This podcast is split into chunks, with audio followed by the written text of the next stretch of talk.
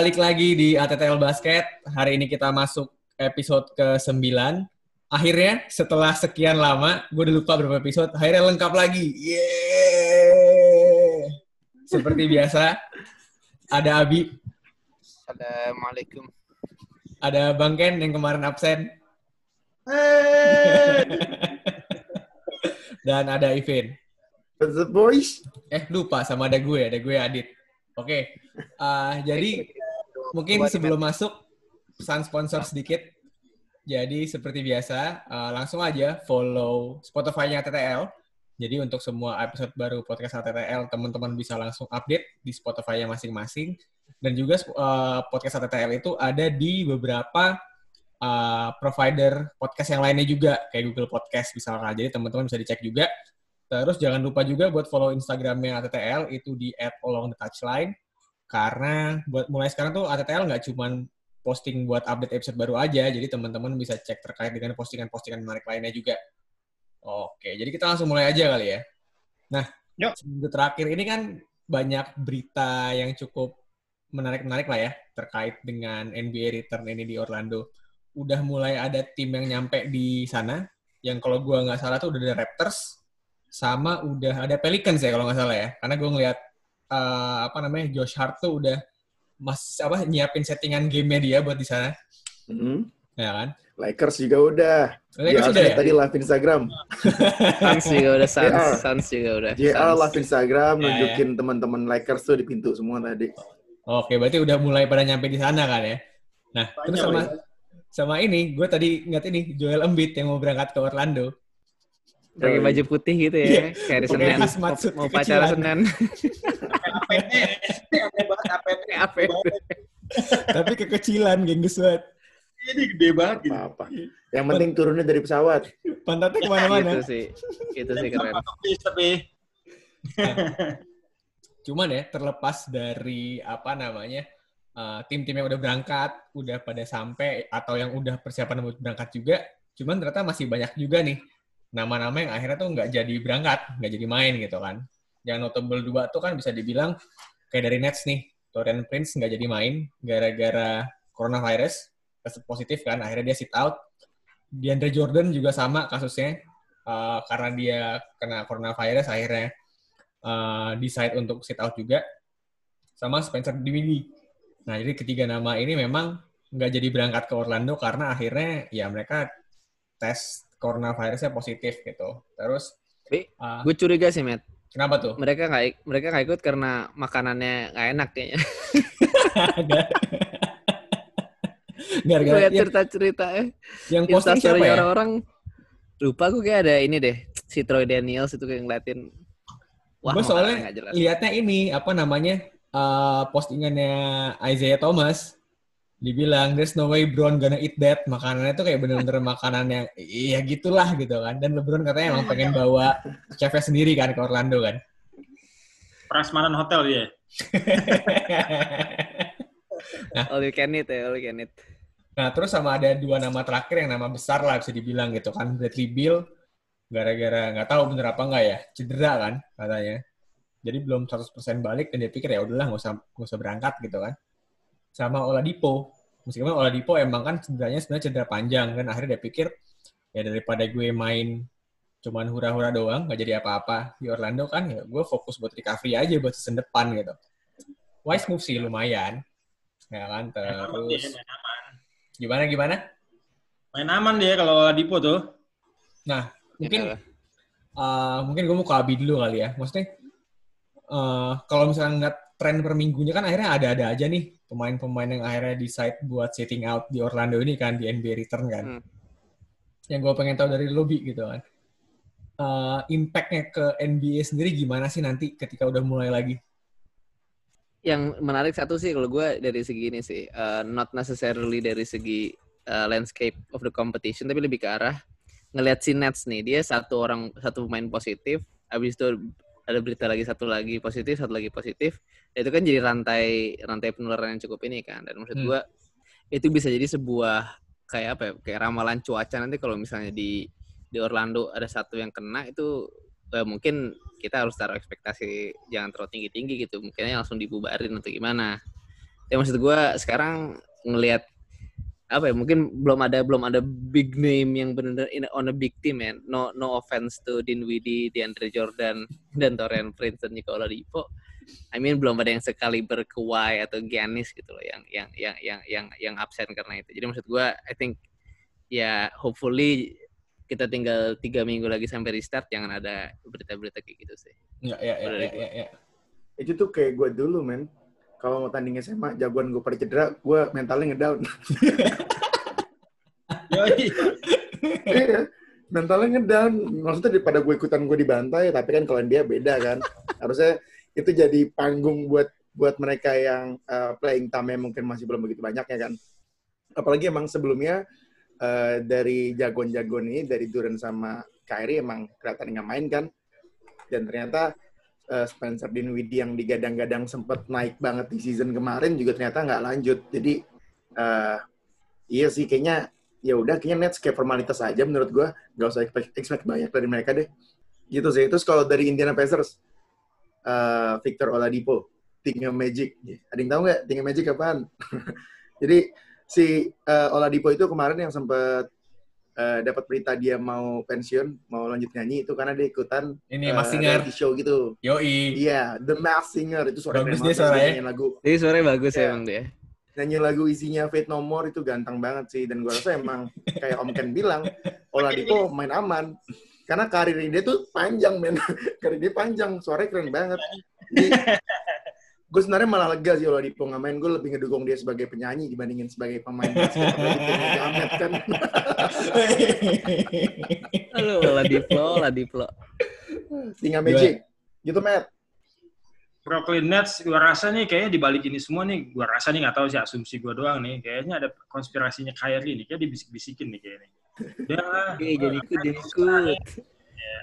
nggak usah lah semuanya ya, udah gitu-gitu deh pokoknya. Tapi kalau dilihat sih kasihan sih ya kayak oh, si Nets tuh kan nggak ada nggak ada Kuai kan, terus eh nggak ada si Kyrie, terus nggak ada Durant, terus nggak ada Dinwiddie. Ya jagoannya kayaknya yang bakal poin banyak tuh kayaknya Caris LeVert deh. Terus dia Hmm. butuh wing juga, butuh guard juga. Dia akhirnya mereka add Jamal Crawford gitu ya. Kayak saking desperate-nya kali ya, nggak tahu ya. Tapi gue rasa dia bakal banyak megang bola tuh kayak Jamal Crawford tuh. Soalnya point guard-nya kan Tyler Johnson yang main. Terus eh, posisi duanya si Jamal Crawford, posisi tiga Joe Harris. Empat Michael Beasley. Terus centernya cuma satu. Aduh, kayaknya kesian sih. Tapi bener kayak tadi yang dibilang sih, kayaknya buat formalitas doang kayaknya. Tapi seru sih. Tapi kita lihat aja mungkin Nets ya mungkin Caris LeVert sih yang bakal bakal cemerlang kayak di Orlando. Ya, gue ini tuh. Jadi polisi tidur lah. Nets mentok-mentok. kayak kayak kata Bang Ken, gue curiga ada konspirasinya. Meskipun gue nggak mikir sampai Kyrie yang ngomong sih gitu kan. Soalnya bener-bener bener-bener apa namanya uh, nama-nama tanda kutip besar di timnya ya itu bener-bener practically sitting out semua kan. Jadi kayak udahlah ngapain sih gitu. Iya dan Kyrie itu kan juga kan orang kan speak up gitu, tapi speak up-nya speak up di belakang gitu, kayak bukan speak up di depan. Ya, udah kayak mulai jauh-jauh hari udah kayak wah apalah nggak setuju lah inilah itulah. Konspirator. Sedih ya kayaknya. Bener sih, itu poinnya Bang Ken kayaknya valid deh. Jangan-jangan emang semua tuh idenya Kyrie. Udah kita nggak usah main, ngapain? Buat apa gitu. Tambah lagi kan Duran juga, udah gue fix gue nggak akan main di Orlando. Wah Duran Yeah. yang digadang-gadangkan bakal mimpin gitu ngelit uh, nggak main positif. Udahlah mereka saving buat next season aja kayaknya. Supaya Ya, ya, lebih ya. cerah atau lebih apa lah gitu. Hmm, hmm, hmm, hmm, hmm. Fair point sih. Soalnya menurut gue juga in terms of nets, ya, ya nyari apa sih gitu. Posisi mereka juga juga ini kalaupun udah masuk playoff juga paling exit first round kan. Berat gitu. Gua, gua rasa mereka bakal cepet-cepet kalah. Abis itu mereka bakal main itu tuh wahana-wahana di Disneyland tuh pasti. Bongkar tuh semua tuh main mandi bola tuh. Eh, mandi bola, bangke. Ya, soalnya mainnya kan boleh kan, boleh pada main kan. Akses tuh apa Iya, wahana-wahana tuh bisa gitu. Gua pasti paling cepet tuh pemain Nets tuh. Soalnya kalau gue nggak salah inget, sempat baca dari beberapa source sama denger di podcast luar, ini apa namanya katanya, once lo masuk, sampai beres tuh lo nggak boleh keluar kan? Yoi, hiburannya dingdong doang. Show-show apa, virus itu nggak boleh kan. Ya udah. Fix, main dingdong. ya, ya, ya. Nah, mungkin kita geser dikit kali ya. Tadi kan uh, udah kesebut nama-nama yang emang udah decide buat nggak main untuk berangkat ke Orlando. Berarti kan nama-namanya harus digantikan kan? Nah, kayak yes. tadi Bang Ken sempat sebutkan Jamal Crawford sama Michael Beasley ke Nets tuh. Terus uh, ada beberapa nama yang nggak gitu besar akhirnya diambil lagi oleh tim-tim yang butuh pemain kayak Trey Burke ke Mavericks. Terus uh, Jerian Grant itu diambil Wizards sama yang ini kalau gue tadi baca tuh belum official, cuman rumornya udah kencang banget lu Mbah Amute ke Rockets. Dia tuh kalau nggak salah pernah main Rockets juga sebelumnya kan? Pernah, Mbah pernah, pernah. Mbah Amu. Mbah? Lu Mbah. Lu Mbah Amu. Aduh. Mungkin gue mau ke Evin dulu kali. Menurut lo nih, Vin. Ah, dari nama-nama yang ada tadi, yang kira-kira bakal bisa ngasih impact di, ke tim yang ngambil siapa sih? Kalau menurut gue, uh, direct impact tuh Luke Bahamut Bahamute. Gimana sih? Ya, si Mbahmu, Mbahmu ini bakal ngasih dari impact juga sih. Buat di Rockets, karena emang dari Rolls sendiri cukup cukup uh, vitals, mengingat uh, Rockets minim big men.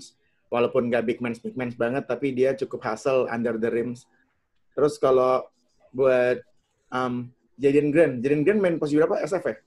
SF. Iya tiga empat. SF ya? Tiga empat. Eh nggak jarin point guard bro jarin point guard. Point guard ya? Eh itu ini ya yang tiga empat itu jerami ya? Ya ya ya ya oh. Yes. iya.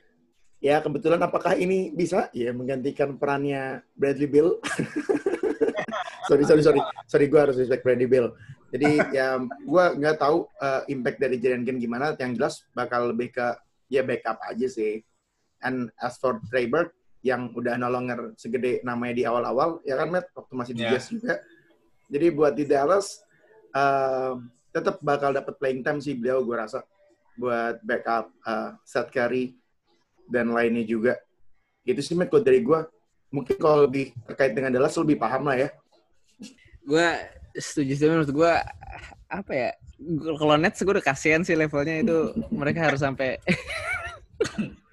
Kayak gak ikut tujuh orang coy itu setengah tim. Setengah tim bener. Setengah tim maksud gue sampai harus ya maksud gue nothing against Jamal Crawford tapi ya inilah ya menurut gue mereka akan jadi cuman ini sih apa namanya ya, Crawford sama Beasley cuma jadi tam tambalan ban ya mentang-mentang mereka jadi inilah jadi polisi tidur buat buat Milwaukee atau Toronto dan kalau misalnya Jerian Grant agree backup dan kawan-kawan yang gue menarik tuh si Luke Mbah Mute nih gue karena sekarang Rocket main centerless kan. Ya. Dan I think Mbak Mute dengan masuk ke sana bisa menjadi orang kedua tertinggi kali dengan dia. Dan maksud gue itu bakal ngebantu banget sih karena dia dia tuh kayak apa ya? Kayak Robert Covington tapi lu beli KW KW 5 lah. Versi lambat. Versi lambat, enggak enggak, enggak apa ya gitulah. Tapi maksud gue itu very, the, the most impactful akan jadi Luke sih. Luke Mbahamu. Luke Mbahamu. Mbak Mungkin apa ada pendapat lain sebelum gue masuk? Uh, kalau pick up sih ya paling itu ya ya yang di pick up gue bingung ya. Makanya yang di pick up tuh kenapa nggak ya itu apa ya yang emang tersedia gitu ya. Nggak ada orang lain gitu kayaknya. Kayak si Rockets tuh kenapa nggak ambil apa sih center atau siapa gitu. Kalau saya Lufung Bamutnya buat main center juga kan dia tingginya juga 68 ya. Mungkin jadi orang paling tinggi kedua tapi tetap aja posisinya pendek. Dia, gitu. dan dia nggak dikenal sebagai rebounder gitu kan ya ya ya, ya.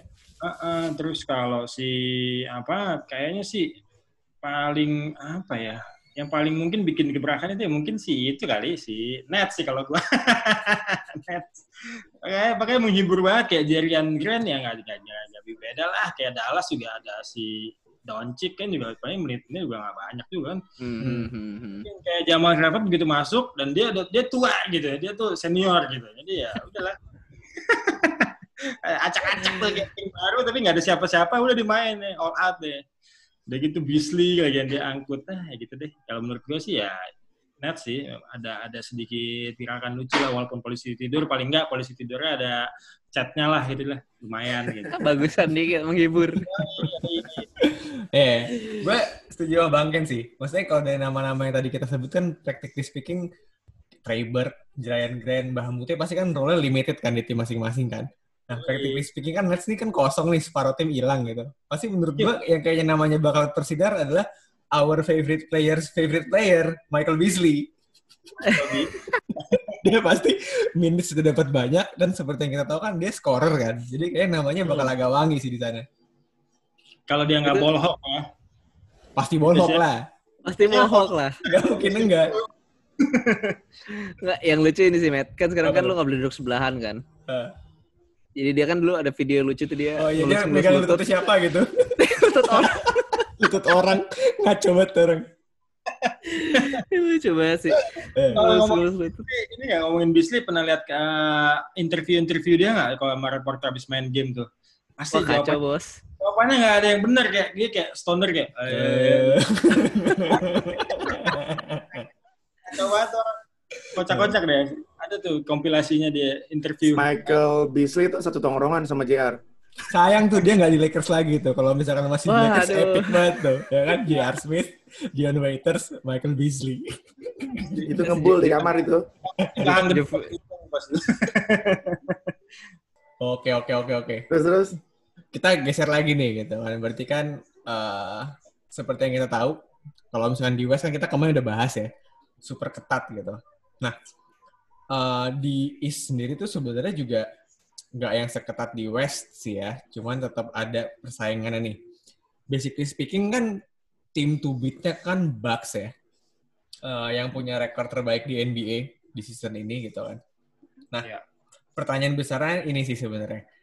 Siapa sih yang kira-kira punya kesempatan paling besar untuk eh, bisa ngalahin Bucks gitu? Eh, opsi pertama, Nets yang sisa separuh tim itu kira-kira gimana? Bi, gimana Bi? Kayak maksud gue sekarang Nets kan posisi 7 ya. Dan menurut gue mereka itu udah pasti hampir pasti banyak kalah sih. Dan menurut gue Magic akan nyalip ke nomor nomor 7 nih di situ 7. Jadi jadi em, mereka jadi Nets akan ketemu Bucks duluan. Nah itu akan jadi tadi gue bilang sih hanya akan jadi polisi tidur sih. Ya kalau nggak polisi tidur mungkin justru tapi Nets bisa jadi unik nih Hmm. dengan mereka bawa virus. mereka yang nge-stop Bucks di first round tuh. Oh, iya. Bawa virus. Satu game habis itu udah shutdown. Jadi udah, habis itu udah kelar. Aduh. Tapi maksud gue at, afterwards mungkin ya kalau Nets menurut gue nggak akan inilah, nggak akan ini, nggak akan paling chance paling gedenya melalui penularan COVID itu sendiri bukan permainan di lapangan. Cuman nih, eh, apa namanya, mungkin abis ini gue mau nanya ke Evin gitu kan. Maksudnya terkait dengan Nets sendiri, timnya kan timpang nih berarti nih. Basically speaking kan itu kayak a whole new team ya. Bener-bener, apa namanya, bener-bener ya beda dengan tim mereka yang udah ada gitu kan. Nah, dengan kondisi mereka sekarang kan sebenarnya tuh kalau misalkan secara matematis, Wizards pun juga masih bisa ngebalap mereka kan. Menurut lo, Vin, kira-kira Nets bakal turun nggak? Eh, to be honest, gue nggak tahu sih ini Nets bakal jadi apa. Karena kalau kita ngeliat dari setengah timnya udah nggak ikutan main dan sekarang yang di sign itu dua pemain yang eh, ball hawk dua-duanya. Jamal emang minta ISO melulu. Ini emang bisa jadi antara sengaja mereka emang ada yang mau take over the game eh, alone atau emang eh, mainnya udah no longer a teamwork lagi. Extra passes tuh kayak udah nggak lagi tapi gue nggak tahu nih bakal jadi kayak gimana. Jadi penuh pertanyaan buat uh, net sih. Tapi ya siapa tahu bener juga kayak Abi bilang siapa tahu bisa jadi suatu pengger- penggebrak juga kan ketemunya sama langsung uh, pionirnya sekelas si Milwaukee Bucks. Siapa tahu menang men. Kalau menang konten kita seru banget sih dapat konten. Oke oke. Nah mungkin gue geser dikit nih. Gue pengen ke Bang Ken ya. Eh, kalau kita bahas Nets kan ya abu-abu lah kondisinya. Gue pengen geser dikit juga karena Pacers kan seperti yang kita tahu kan bakal berangkat bakal main di NBA return itu nggak bawa Oladipo yang emang decide buat sitting out sama nggak ada Jeremy Lamb kan. Sama mungkin tuh sama level malah Malcolm Brogdon juga ada kemungkinan. Kalau nggak salah kan dia juga eh, tes positif ya. Kita nggak tahu nih dia kira akhirnya bakal bisa dua kali dites negatif terus akhirnya main lagi. Gimana nih Bang Ken terkait dengan apa namanya chance Pacers nih di NBA return ini? Kalau chance Pacer di East dia sih eh, ya gitu dia kalau nggak ada Oladipo, nggak ada Brogdon confirm nggak ada yang main kan dia berarti kan dia ke cuman PJ Warren terus ke Domantas Sabonis and that's it gitu maksudnya kayak Jeremy Lin nggak ada juga McDermott udah nggak bisa diharapin ya kayak Aaron Holiday ya udahlah ya gitu susah sih. Apalagi kalau kita compare dia dengan Milwaukee Bucks, kalau dia mesti head to head to head kayak nggak bakal nggak lewat lah pastilah. Ya mungkin ya 4-0 lah, 4-0 lah kalau itu. Oke, oke, oke. Nah, gue mungkin geser ke Abi nih abis ini. Masih di Pacers juga gitu kan. Karena kan kalau misalnya kita standings-nya kan sebenarnya kan dia sama uh, Sixers sama kan. Uh, win-lose record-nya mereka sama-sama 3-9-2-6. Sebenarnya Hmm. based on angka aja mereka tuh sebenarnya sama buat masuk ke top half seat di Eastern Conference kan sebenarnya cuma sisi dua game sama Heat gitu kan. Nah, dengan gak adanya Oladipo sama Lem nih terutama gitu yang udah pasti gak main. Gimana nih Bi, chance-nya buat Pacers Gue? Pacers lawannya lumayan sulit sih, Matt. Kalau gue lihat eh, lawan mereka di Orlando, Hmm. terlepas dari di, di luar mereka harus melawan Wizards sama Suns, sisanya tuh udah sama Magic. The, tiga, eh, lima game lainnya tuh benar-benar ngelawan top seed kayak Miami Heat, Sixers. Hmm. Dan again, kata Om Ken bilang tanpa Lamb, tanpa Oladipo, lu punya shooting guard itu ya mereka inilah akan harus eh, revamp their strategy and their tactical play. Dan maksud gue mereka eh, itu menurut gue akan akan melorot ke seat eh, ke seat 6 dan dia nggak akan pose a big threat sih dari segi kalkulasi ini juga permainan. Agree, agree. Ya, ya, ya, ya. Gue juga sebenarnya agak sama pendapatnya sih. Kayak bener-bener begitu Oladipo uh, bilang dia akan sit out, decides buat nggak main, gue rasa Nate McMillan juga bilang, udahlah kita yang penting jalan aja deh. gitu. Jangan sampai apa nggak perlu melakukan hal berlebihan lah sampai akhirnya uh, worst come to worst ada cedera lagi atau misalkan gimana-gimana gitu kan. Nah, yang menarik juga sebenarnya nyambung nih bahasannya sama Nets tadi gitu kan. Karena Nets sama Magic gitu kan tipis ya selisihnya itu cuman uh, setengah game kalau nggak salah. Ya benar sisanya cuma setengah game doang. Dengan uh, Nets yang timpang ini kan bisa dibilang chance Magic jadi ada buat ngebalap. Cuman fact-nya nih gue mungkin ke Ivin dulu kali ya. Kira-kira mereka bakal bisa ngebalap nggak? Ngebalap Nets gitu? Ngebalap Nets ya. Kalau dari uh, composisi tim tentunya uh, masih lebih siap dari Orlando Magic sih. Hmm. Masih sehat semua men, insya Allah. Dan kalaupun seperti itu, mungkin kalau dari matchup nanti bakal uh, dilanjutin sama Abi. Menurut lu gimana Abi kalau dari matchup? Uh, um, gua gua memprediksi Nets cuma menang satu game sih. Bahkan sorry, ya, satu game lawan Washington Wizards doang kan sisanya mereka harus melawan Celtics, Bucks, Orlando Magic, bahkan lawan Kings pun gue nggak yakin itu bisa menang sih dengan squad setengah setengah setengah rampung gitu.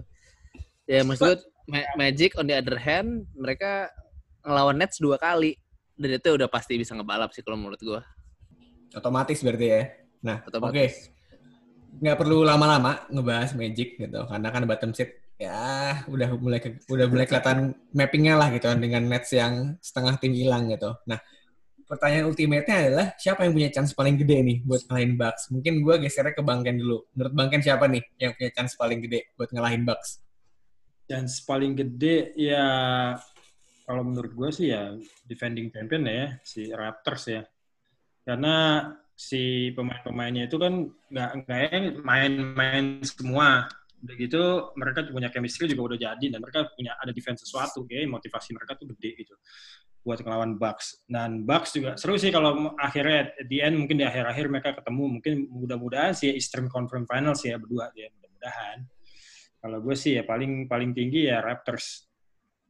Oke, oke. Bi, gimana Bi? Setuju nggak Gua Ken? gua nggak gua to a certain point yes, tapi menurut gue at the pinnacle of the ini of the Eastern Conference di, di puncaknya pasti harus ketemu Miami Heat sih. Karena Heat ini up and coming, energinya banyak dan maksudnya atletis athleticism wise they can match up with Milwaukee dan mereka baru punya dua adisi veteran Andre sama Jai. An- Ya, itu itu nice pick up itu mereka sih. Game changer dan Alex Polstra udah terbukti bisa ngebawa tim jauh di playoffs dengan tactical dan juga strategi savviness-nya dia. I think Miami Heat's gonna be the one that can challenge the Milwaukee Bucks sih. Menarik, menarik, menarik. Ivin, apa ada jawaban lain? I'm going with Raptors juga sih sebenarnya. Tapi uh, selain Raptors ini yang gue rasa bisa up against them, ya either six, 76ers atau Celtics sih.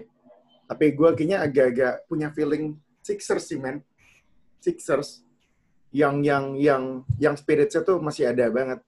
Tapi kita coba lihat nanti karena match up kan juga cukup menarik juga kalau misalnya dengan Sixers ini. Gitu sih. Tapi ya gue gue going with Sixers deh. Raptors Sixers. jalanin aja. Ayo kita taruhan. Ah, Sixers Pasti, overrated. Pasti. Overrated pasti. Sixers. Iya, Fred, setuju. Ya, Oke, itu Sixers selama Ben Simmons masih belum bisa nembak. itu nggak ke mana-mana, udah. Gak ke mana-mana, bos. Ya, ya, ya. Setuju, setuju, setuju. Ya. Gue kaget sih. Apa? Eh, nah, apa namanya? Nama Boston Celtics tuh nggak disebut gitu. Karena justru menurut gue yang punya chance paling gede mereka. Gue menarik, mungkin ya. agak agak beda dari Abi sih. Kalau Abi kan maksudnya Bucks tuh kan tim yang eh, fisiknya bagus kan. Jadi yang yang punya chance paling gede hit. Eh, in that sense menurut gue sangat masuk akal gitu kan. Cuman gue ngerti justru gini. eh, Celtics justru mainnya super finesse kan. Mereka mainnya super rapih. It's all about Hmm. ball movement.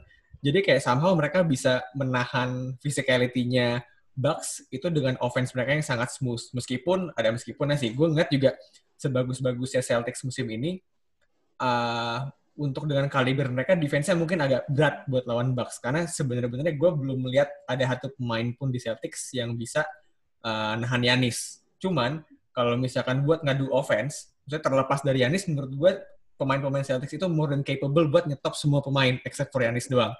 Karena practically speaking uh, tanpa menjelek-jelekan Celtics juga gitu kan, rasanya juga on the whole league sulit buat berhentiin Yanis gitu dua step dari tengah half court itu dia udah di depan ring kan kurang ajar. Dibilangin, yang bisa berhentiin satu, bro. Gobert. Covid. Covid. eh, tapi Matt, ini, tapi Ah. maksud gue ini, gue ada poin counter dikit, Matt ya. Ya. Lu bilang Boston secara mereka finesse, ball movement, Hmm. dengan tiga bulan mereka nggak main bareng, Hmm. menurut lu ball movement dan chemistry mereka akan tetap sama apa enggak? Kalau menurut gue kayaknya beberapa game pertama pasti lacking meskipun itu kayaknya applies to all team ya. Cuman Hmm, menurut gue eh, semakin dekat dengan akhir gitu kan menuju playoff, gue rasa bakal bisa balik lagi sih. Nggak bakal jadi isu yang sebesar itu gue rasa gitu. Oke, oke. Let's see, we'll see, we'll see. Jadi benar-benar beda semua nih kita berempat nih. Yo Iya. Tapi kalau Raptors itu mereka pernah ngehentiin Anis. Giannis dan Bucks loh. Mereka punya experience di situ. Dan gue rasa kalau misalnya uh, Kawhi, bro. Milwaukee, Nah itu. kalaupun Konteksnya. Milwaukee ketemu, Kawhi. kalaupun Milwaukee ketemu lagi dengan Raptors, gue rasa uh, Milwaukee harus approach-nya bakal berbeda sih buat melawan Raptors. Karena kelihatannya Raptors sudah pernah ngelakuin hal itu. Tinggal Dan- mereka adjustment saja buat filling the hole dari si Kawhi itu. Ya ya ya. Dan gue ini sih kalau misalkan terkait Raptors ada ini kalau misalkan dari Bucks pasti ada grudge-nya kan kayak anjir nih gue season kemarin kalah sama mereka kan. Pasti mereka udah PR utamanya eh, siapa namanya Mike Budenholzer pasti gimana caranya bisa mengcancelkan Raptors kan dan tambah lagi juga nggak ada Kawhi karena bener-bener kalau misalnya kita ingat kayak di playoff kemarin kan bener-bener turning point-nya Raptors ngalahin Bucks tuh ketika Kawhi tiba-tiba nyala start to game ke berapa? Tiga atau empat ya? Yang bener-bener cuman Bucks dikasih dua game. Empat dua kan mereka game Habis Iya. ganti oli itu, habis ganti oli. Mesin, Gitu. robot. Ya kan? Cuman Cuman, kalau dilihat, Nah. dilihat mengenai Raptors tuh mereka defense-nya tuh bukan bukan di Kawhi. Kawhi memang center of the attention-nya defense dia. Cuman kalau lo lihat mereka tuh punya kayak Lowry yang memang terkenal terus guard tuh defense bagus. Dia punya Pascal Siakam itu defense bagus itu. Kalau Hmm. di ini kita lihat defense tinggi tuh. Serge Ibaka tuh shot blocker udah nggak diragukan lagi lah. Dulu ada Mark Gasol walaupun gimana pun juga mereka bagus. OG Anunoby itu itu defense gila. Pokoknya tuh mereka punya defense tuh ngatur defense secara secara pola ngatur defense tuh coachnya bagus. Nah, Nah, ya, kemarin sih. lihat aja kalau nggak ada si Kuai, mungkin ada hole yang harus diisi, the gap yang harus diisi ada. Tapi gua rasa sih secara mereka udah pernah main bareng, mereka tahu gimana cara menghentikan Yanis dan pernah they done that and they they been there. Ya berarti gua rasa sih lumayan. Kayaknya yang akan step up di Raptors tuh kayak Chris Butcher tuh bakal lebih banyak sih. Bullshit. Tapi na- nama dia lagi wangi banget sih kemarin emang. Dan itu defense bagus dan itu posisinya sama kayak Yanis, speed, length sama cuman beda-beda gede aja. Cuman ya mungkin buat ngabisin foul kan lumayan tuh. Yanis Hmm. top, Raptors sih tetap. Be- beda Cuman- ini, ya, beda, be- beda makanan ya. Makanannya Makanya beda. Ivin kayaknya Tapi, mau Matt- komen sesuatu nih. Enggak sih, Nggak, kita terlalu. sama lu dong, Matt. Oh. Celtics, take off all, man, nggak sih? Kenapa? Take off, take off all, man, nggak? kayaknya enggak deh. Masa sih? Dia kalau nggak salah cedera deh, kalau nggak salah ya. Sebenarnya Bisa jadi sebuah panggung buat dia juga sih sebenarnya. Mungkin. Iya, tapi ah, iya sih, gue rasa emang Raptors sih yang paling berpeluang kelihatannya ya dari defensive players juga ngeri-ngeri semua. Margasol kurus ngaruh ke Margasol kurus. gue ngeliatnya kayak orang nggak dikasih makan Iya, kayak ngobat deh. sumpah. Asli sumpah. Ah, ah. Tapi yang gue seneng ini, angle kita masing-masing berbeda dan menurut gue valid point sih, karena masing-masing punya uh, age-nya masing-masing gitu kan. Cuman ya itu tadi gue ngeliat, karena gini sih sebenarnya uh, terlepas dari siapa pun yang kita sebut tadi, uh, kalau misalkan gue ngomong secara mendalam, menurut gue semua punya kesempatan. Soalnya uh, Bucks tuh kan sebenarnya kayak dua season terakhir bisa dibilang uh, good regular season team kan.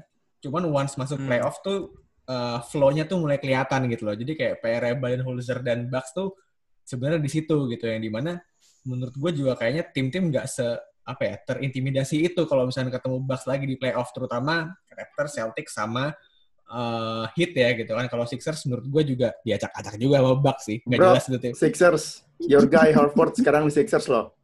Yeah, that's that's a good point sih. Horford, Horford loh. Ah, tapi kalau misalnya kita ngomongin? Sixers ya, menurut gue ini secara defense mereka bagus. Itu well proven gitu kan. Tapi kan isu mereka di offense itu jelas banget. Iya sih. Hah, iya di offense sih. Udah boleh oper ke gue aja lah. Lutut, ingat lutut. Tut, Aduh. Nah, jadi paling ya gitu aja. Nanti kita lihat aja yang mana yang ngalahin Bucks. Gini, gue ada dua angle sebenarnya. Gue pengen lihat Bucks maju karena menurut gue Yanis deserves everything gitu. Ya, kan maksudnya dengan kita ngeliat gimana dia dari bawah dari Yanis tahun 2013 anjir siapa nih di draft Iya. di pick Puyuh. 14 ya 14 apa 15 ya gitu kan maksudnya masih ada nama-nama yang harusnya di atas dia gitu kan dari yang biasa-biasa aja dia berkembang sekarang udah di season dia yang ketujuh eh season ke-8 sorry sekarang udah bener reigning MVP dan punya chance besar buat bawa timnya ke finals gitu kan tapi ada tapinya nih gitu tim-tim yang di bawahnya dia tuh sebenarnya punya chance buat ngalahinnya juga gede sebenarnya bener ya Menurut gue kalau Yanis nggak lolos, Mete, dia Hmm. mending pindah ke Hang Tuah di Indonesia. Ganti nama jadi Gianto atau. Kusuma. Sama tahang doa. Tapi kalau Yanis itu eh, kebanyakan Mike Budenholzer itu buat playoff karena pressure gitu itu udah tak ketahuan gitu kayaknya polanya yang dipakai tuh itu itu aja. Ya, ya nggak kreatif itu Doski. udah udah ngebaca. Jadi yang penting kan kayak kalau kita kayak Eric Spoelstra itu kan dulu walaupun ada LeBron, mereka punya punya CD Wade dan itu punya bos juga dan itu running offense bagus gitu silih berganti. Tapi kalau si Bucks ya kita bisa ketebak lah dari dan tim-tim lain kan juga pasti kan pasti attention-nya kayak Yanis semua begitu yang lain nggak ada di coach-nya juga nggak bisa ganti supaya offense jangan dari dia karena eh Yanis sendiri begitu udah masuk lapangan, gue masuk lapangan, gue mesti punya bola dan gue mesti poin banyak. Jadi motif itunya gede gitu, kayak eager-nya tuh gede gitu buat poin. Jadi ya semakin dia nafsu buat poin, semakin lawan gampang membaca strategi mereka sih. Kalau menurut gue sih itu ya. ada ini sebenarnya gue punya nggak tahu mungkin bisa dibilang hot take sekali ya soalnya gini betamelnya Yanis tuh kurang. Betamelnya Chris Yanis tuh Middleton sama. Bledsoe kan. No, no, no, no, no, no, no. ngomong Dia jago iya jago. Cuman ini maksudnya karena gue ngambil sampel size dari dua season kemarin kan maksudnya di mana Mhm. Yanis butuh Middleton buat step up. Nggak nggak cuma Nah. Middleton soalnya nggak Middleton sama Bledsoe lah dua orang. Itu kan bisa Nah, bilang betamelnya Yanis kan. Belum Kalau gua bayar ya. gitu Bledsoe emang dari dulu playoff gak pernah bagus dari zaman di Suns dari zaman tapi emang dia kacur. Tapi kalau Milan tuh di dua tahun terakhir tahun min dua dari sekarang tuh dia baru sembuh cedera satu. Mm-mm. Yang tahun lalu menurut gue dia emang not not himself sih. Cuman tahun ini menurut gue dia he made some changes to his game sih. Kalau gue perhatiin dia jauh lebih efisien dan menurut gue dan dia lebih banyak main di di di mid range musim ini nih. Dan dia banyak sebenarnya dia nge-stagger sama si Giannis tuh playing time ya. Jadi enggak Ya. enggak kalau dulu tuh sempet di di dempetin kan. Nah, ya sekarang karena kemarin ada Wesley Matthews juga. Jadi bisa bisa nge- nge-stagger dan menurut gua I think Middleton is going to show his ini sih tahun ini. Mohon maaf nih, tahu banget Abi megang Middleton ya di fantasi. Enggak, gua. Tadi ini gue nggak tapi gue perhatiin ini orang ini orang gila juga ya. Dia 50% bro dari field dan gue lihat shot emang dia dia ini sih dia lebih banyak mid range dan lebih lebih baiknya lah freedom karena sering stagger sama Giannis. Nggak, soalnya karena Iya kalau sih. misalkan kita balik ke Yanis lagi gitu kan, akhirnya kayak kemarin, maksudnya Bucks eh, Yanis sebagai MVP gitu kan, akhirnya kan stop di second round doang. Eh, second round apa? eh, Final, finals final. ya? Nggak, second round bener kan? No, finals dong. Eh, final sama Raptors ya? Iya. Second round kan Raptors sama Kawhi. Oh iya, karena Raptors Raptors, sama Sixers. Karena Raptorsnya berhasil nyetop dia kan, sementara dia nggak punya temen yang bisa ngangkat itu gitu kan. Kalau misalkan di season ini Middleton bisa bantu Yanis, menurut gua iya do justice baik ke Yanis maupun ke Middleton sih. Karena pandangan gua Middleton sebagai beta male yang beta tuh kayaknya bakal berubah gitu.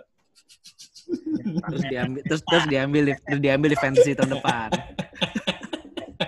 Tapi kelihatannya dari diskusi kita barusan, kelihatan lah paling nggak ada empat tim lah ya bisa step up buat di Eastern Conference. Ternyata Yes. Eastern Conference nggak se kurang kompetitif itu kok.